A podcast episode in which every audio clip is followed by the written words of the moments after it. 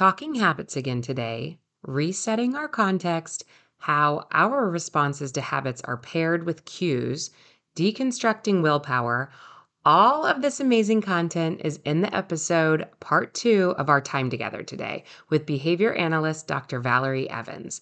If you missed part one, head back over to last Friday's episode. You don't necessarily have to listen to them in order, but I promise you this both are worth every minute of listening time. I think I could go to whole seminars on the studies and findings around habits because I never get bored with this stuff.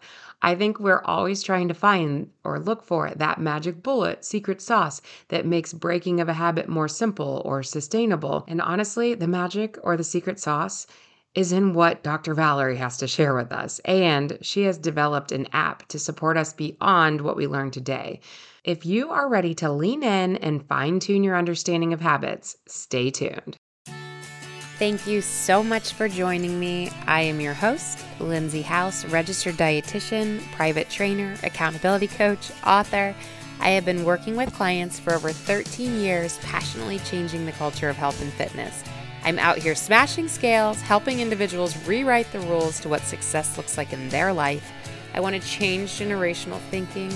No more all or nothing mentality. Get rid of the diets and believe in the individualized journey. We are stronger than we will ever accept and beautifully made just the way we are. Keep your eyes on your own paper and trust your own path. Thank you for trusting me and letting me be a constant encouragement through your week. Let's get this motivation started. Welcome to your podcast, Direction, Not Perfection. Uh, please help me welcome back Dr. Valerie Evans, a licensed and board certified behavior analyst we last episode in part one really broke down. She has this fabulous No Weigh app and working through behaviors. And I wanted to take that one step further today in today's episode and just let's really focus on habit and just uh, the place where habits begin, deconstructing some willpower. There's so many topics that you had on your bio where I'm going, oh, please tell me more. So, welcome back, Valerie. Thanks, Lindsay. Thanks for having me back. I love talking about habits because that's what behavior analysts are looking for patterns of responding. And the thing about habits is that they solve a problem. They're even habits we don't like, you know, if we call them bad habits they're solving a problem. They're adaptive. They're there for a reason. We don't just randomly pick up a pack of cigarettes and start smoking for the rest of our lives. It's it's something that we initiate because there's a need or a problem and that's that's providing a solution. And sometimes the short-term solution becomes re- very reinforcing and then we do it again and again and it becomes a pattern in our daily lives and we're like how did this habit start? It's not helping me. I want it to go away. So the key is to recognize that they're adaptive accept that. Don't don't go down the i'm lazy i'm what's wrong with me? You know this is my mom's fault it's fine you know it's fun to go down that road but don't don't stay there bring yourself back and it's all about problem solving so what problem is this habit solving? How is it adaptive in my life? And then from there, it reveals the path forward. So it's it's providing me social connection. It's providing me with space. It's when things are getting a little chaotic or heavy, it provides me some space and time for me to think or calm down then you can more intentionally decide how you want to solve this problem differently and find an alternative response that you can use instead. Mm, that was so beautifully stated. Thank you. Uh, what I, we all need to keep asking ourselves that question.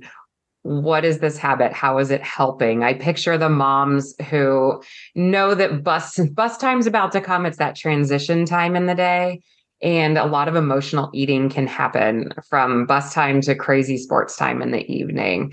And that food is providing this like peace for a moment before the chaos begins. Or I picture I love a glass of wine while I'm cooking, and I feel like it's providing this me time that's I've really had to think through that. Like, why do I care so much? And it boils down to it means me time. So I kind of challenge our listeners today to go, maybe it's starting a list of what are my habits providing me, especially the ones that I keep calling bad habits or that I want to be solving. But what happiness yeah. is it ultimately bringing me? Yeah. Right. It's so funny you mentioned bus time because I missed the bus yesterday and my kids, the bus came and I wasn't there to get them. And the reason was because I, I couldn't transition. I was working and I wanted to keep working. And it's that transition. And you pointed out it's it's so nice to like hear that articulated that other people experience that too, where it's the the mid to late afternoon crazy time where it's just complete chaos that you need to manage you know? And even it, you know kids coming off the bus is a extreme example of that but just an everyday transition from work to home even though you want to be home and you're happy to be home it's somehow it's still it's still stressful because you're shifting gears and you know you're trying to move your focus and you're trying to attend to what's important in that context but you're still wondering about that email that wasn't answered and tempted to check your phone and create a checklist for tomorrow and you have that all that other stuff that's just kind of like easily interfering with your transition Oh my goodness. Yes. I think about transitions actually all the time from from that a school transition, even a summer to school year transition, or more importantly, school year to summer transition. Yeah. There we go again with like kind of routine and calm to all of a sudden like you got to figure it all out. That there are a lot of transitions, holidays. So I feel like that would be a good one to to talk about with habits and and breaking of and I don't know with that would it be almost breaking of an emotional state. You know, like if we think we're panicking going into the next chaotic moment, what is some of your advice around kind of breaking that emotion down and finding something else that serves us? Am I asking that right? Yeah, no, um, that makes complete sense. And I do think it's the emotional transition that's difficult because we become engaged and invested in what we're doing. And that makes us better at it. But then we have to kind of break that and, and start another one and we're creating a new context. And you can really leverage that idea of creating a new context proactively my husband actually made me aware of this. I don't know if you know the writer uh, Aaron Sorkin. He did The West Wing. He's a TV writer. He was talking about his writing and how he just he just sometimes he just wants to spend all day writing, but spending all day writing is really hard to do because you go on a little sprint and then you just kind of like hit a block and you don't you have nothing else to say. So he he gets through that by resetting his context. And what he does is he hops in the shower he takes a shower, he changes his clothes, and then he sits back down and it's like a brand new a brand new setting and a restart. So you can leverage the same idea. You know, showers are like my favorite thing to do. I just when I I don't really start my day unless I take a shower. and then the same with the evening, you know, if I'm going into the evening not feeling great, maybe I'll take a second shower and just, you know, be fresh again for for bedtime. Whatever it is that you can do to completely reset yourself and our responses are paired with cues. So if you focus on that cue or the trigger and you want to um, change that first then modifying your response is going to be so much easier Thank you for that example because that really, again, painted a clear picture. I'm picturing the person who's going to the kitchen to hit the reset button because I think we're all accidentally doing that, but we're yeah. maybe doing it with food or uh, instead of it can be something healthy that still gives us that same a shower would be a great healthy alternative it keeps us out of the kitchen it makes us feel fresh you know, a quick walk mm-hmm. outside, I feel like does the same thing. It shuts down work for the day. And then there's this new mentality, a fresh new start. So mm, thank you. And I feel like people can transfer that into wherever their areas are that they need the reset. Yeah. And going outside is an awesome example because you're connecting with nature and, and you're being active and there's just so much stuff there. And another thing you can think about too is in addition to doing something is removing something. And for me that's um, keeping my phone upstairs. I try to keep it like charging next to my bed as as long as I possibly can on Saturday or Sunday. Just try to give myself one day a week where it's just away from me because it's such a huge source of distraction and it it jumbles your contexts because you're using it for personal but you use it for work and you use it um you know we contact s- stressful things on our phone you know like the news or responding to texts or emails or paying bills so just by removing something like that out of your context you're kind of like resetting yourself in a way um, okay, so we can add to our context or we can remove, and both, depending on the situation, can have equal opportunity of improvement. I'm hearing. Yes, yes exactly. Awesome. so we're talking all about habits. Like, why do you think habits are so hard to break? I think that. Do you think we're fed false belief around them? The whole idea that we hear 30 days to break it, blah, blah, blah, or stick on this for 24 and you'll be a new person. You know, do we have false expectations around habits? Yeah, I completely agree. I completely agree. It's like the New Year's resolution mentality. You know, I'm going to draw this line or I'm going to do this 30 days. And it's just, you know, when you're when you're feeling that because everybody feels that you know i'm like for me it's like oh you know my birthday like oh i'm not going to do this in the next year it's a fresh start or back to school you know like it just feels like a new beginning and i'm not going to take this with me or that with me but the reality is that there's no straight path to follow a 30 day challenge or a seven day cleanse. It sounds wonderful. Like you're telling me what to do all i have to do is do it. But the problem is you're you're following some type of program that's not individualized to you and that's telling what to do and is short term it's not generalized into your life. So real change is about paying more attention to yourself and how you feel your levels of arousal. Oh i'm tired all the time or i'm hyper or i'm distracted. And emotionally how you're feeling. And then finding your way from there. Finding new ways to respond by recognizing different patterns that you want to break. And you're just setting your path forward yourself, you know, and it takes a lot of confidence. It's just it's just easier to say, "Oh, I'm doing this thing and all my problems will be solved. You know, if I can get through this 30 days, this is going to be wonderful and it's going to be a new me." Look back on other times you've tried that, you know, and, and how did you feel? And how did it feel that it was an all or nothing? I have to do this, or I'm just going to fall off the tightrope and I'm going to be further down than I feel right now. So allowing yourself to feel confident and calm and patient and listening to what your body's telling you, what your contexts are telling you, your history of responding, and being able to see the path forward from there.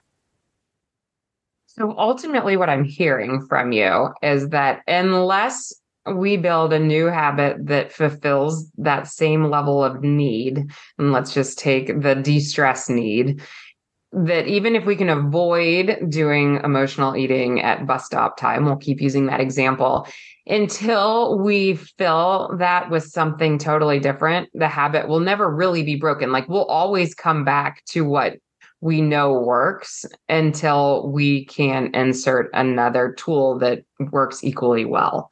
Is that a good way to explain that? Yeah, definitely. And it's it's actually two options. One is an alternative response.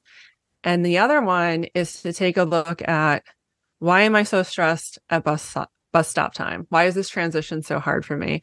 How can I make this transition different so I'm not having this huge emotional response that I have to find a way to diffuse? Good. And we can do that better with connection and engagement.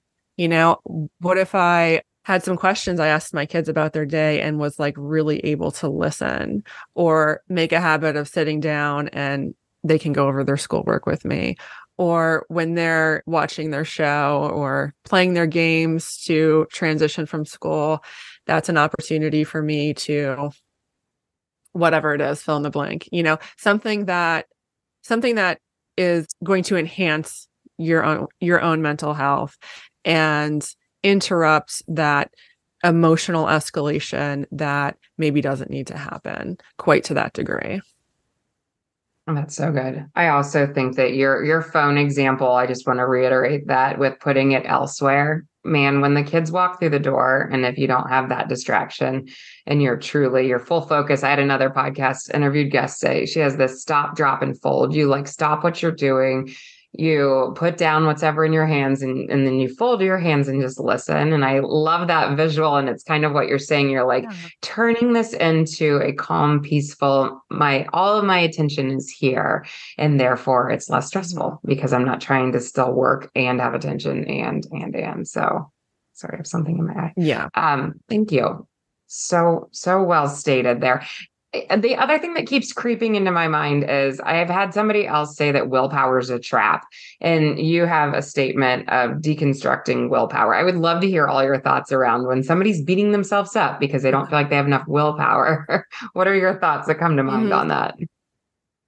Yeah, um, the whole idea of willpower. It I feel like willpower is the only motivation that exists because it's just like all we talk about is the only one that we're really considering. And essentially, willpower is like you get so fed up with the way you feel, or, you know, I, I'm not going to say you get fed up with the way you look because really it's the way that you feel about how you look that's going to hmm. motivate mm. you to act.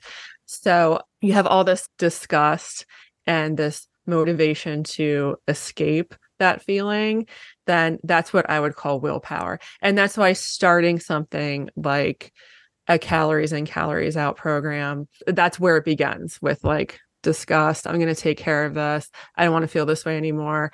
I have all this. I'm not going to put up with this anymore mentality because I want to escape feeling bad. And then you do it for a few days or a week, or maybe, you know, you do it for two weeks even. And it's like, okay, well, I can do this. So I'm feeling more confident. And I lost three pounds. So I'm feeling more confident. And all of a sudden, you don't have all that disgust anymore. You're feeling a little bit better. And then your willpower disappears because you're not as disgusted and you're actually happier. Look at how irrational that is. In order to have a lot of willpower, we have to be super unhappy. But then, in order to be good at these restriction diets, we need a lot of willpower. So, to be good at restriction diets, we need to be like eternally unhappy with ourselves and um you know where do you end up when when that's your approach you know? So alternatively you could you could be like approaching something. There's something that you want not something you're avoiding but something you're you're trying to access. And the cool thing about that is you don't have to wait 5 days to lose a pound and feel happy. You can you begin feeling happy right away because it's not about losing weight it's about feeling better. And taking back your mental health and making that more of a priority. And then you instantly began to feel better. that is awesome. Yes. Thank you. Again, you're so, I love how you state things. I can like follow you exactly on where that can ripple into both with the, the willpower battling the, ha- so many people feel like they have to beat themselves into into weight loss and to even provide that hope that it actually works better the other way. It actually ripples better when we're kinder and fighting for better just feelings that I think yeah. sometimes individuals feel like if I stop beating myself up, then I'm no longer fighting for my health. I'm no longer fighting for these needs. And it's not that. You can have both. You can have love of self and still want to change. And and I talk about that a lot and even have a whole podcast on that. But like both can exist. And that's what you're helping individuals do, both through your research yeah. as well as your app. So, man, that's good. You don't have to beat yourself up. There's a lot of motivation and you can feel confident. You know, your body wants to be healthy. You want to be healthy. You want to enjoy your day. Just believe that. And you can feel calm and make decisions without going nuts. Right. Yes. Okay. I could talk to you all day, Valerie. but here we go again. I need to wrap up. Let our listeners know where to find you and your materials, and then send us off with some final thoughts of your hopes of what they continue to keep hearing from you. Okay. Well, there's a all the bunch of information about the app and a blog at noweigh.com, W E I G H. And also, um, No Weigh app is our Instagram. And you can download the app on Android or Apple. It's available now. And there is a free trial, so you can check it all out. And the thing I think listeners can do right now, which is super easy, is zoom out. If you're upset and you're disgusted, just zoom all the way out and look at your context and give yourself a break because that's what we need. We need to we need to believe this beautiful quote. At any point in time, we're all doing the best that we can. And if you can really work towards accepting that, then it all becomes so much easier. Wow. Oh, chills. Thank you. So good. You're the best. We appreciate all of your wisdom and your time today. And you need to come back at some point. oh, that would be fun. Thanks, Lindsay. Don't leave yet. I have a free meal planning gift for my listeners in the show notes. Just click the link and you'll get meal planning handouts and a video of me walking you through how to assess your current meal choices, as well as building a future healthy meal plan. This would be something I would do if we were sitting across the desk in a consult together. It is meant to be a jumpstart for immediate as well as long term meal planning success, and I will continue to offer more helpful guides and ideas as we go. Thank you again so much for joining me today. If this topic served any purpose for you, or you can picture that exact person who needed this, I'm always honored when you share the podcast. We are making 2023 the year that we are going to pour motivation and inspiration onto others. I also always appreciate it when you leave a review on iTunes and rate the podcast.